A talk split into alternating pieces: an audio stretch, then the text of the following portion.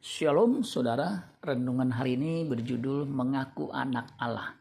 1 Yohanes 3 ayat 9. Setiap orang yang lahir dari Allah tidak berbuat dosa lagi. Sebab benih ilahi tetap ada di dalam dia. Dan ia tidak dapat berbuat dosa karena ia lahir dari Allah. Versi mudah dibaca untuk ayat yang sama mengatakan begini. Setiap orang yang telah menjadi anak Allah tidak berbuat dosa lagi sebab hidup baru yang diberikan Allah kepadanya ada di dalam dia. Ia tidak dapat terus berbuat dosa sebab ia telah menjadi anak Allah.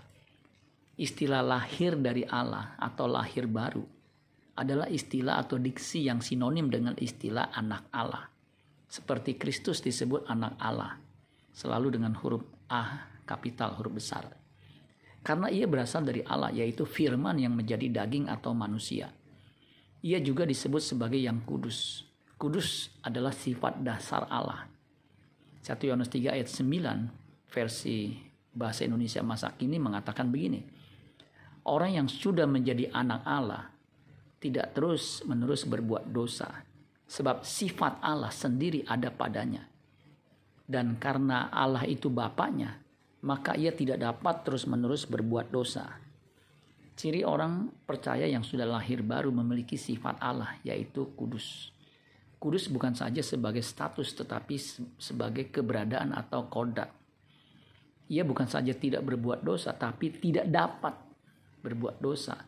Itulah sebabnya jika ia mengaku anak Allah tapi masih terus-menerus berbuat dosa, dia bukan anak Allah, tapi anak iblis yang mengaku anak Allah.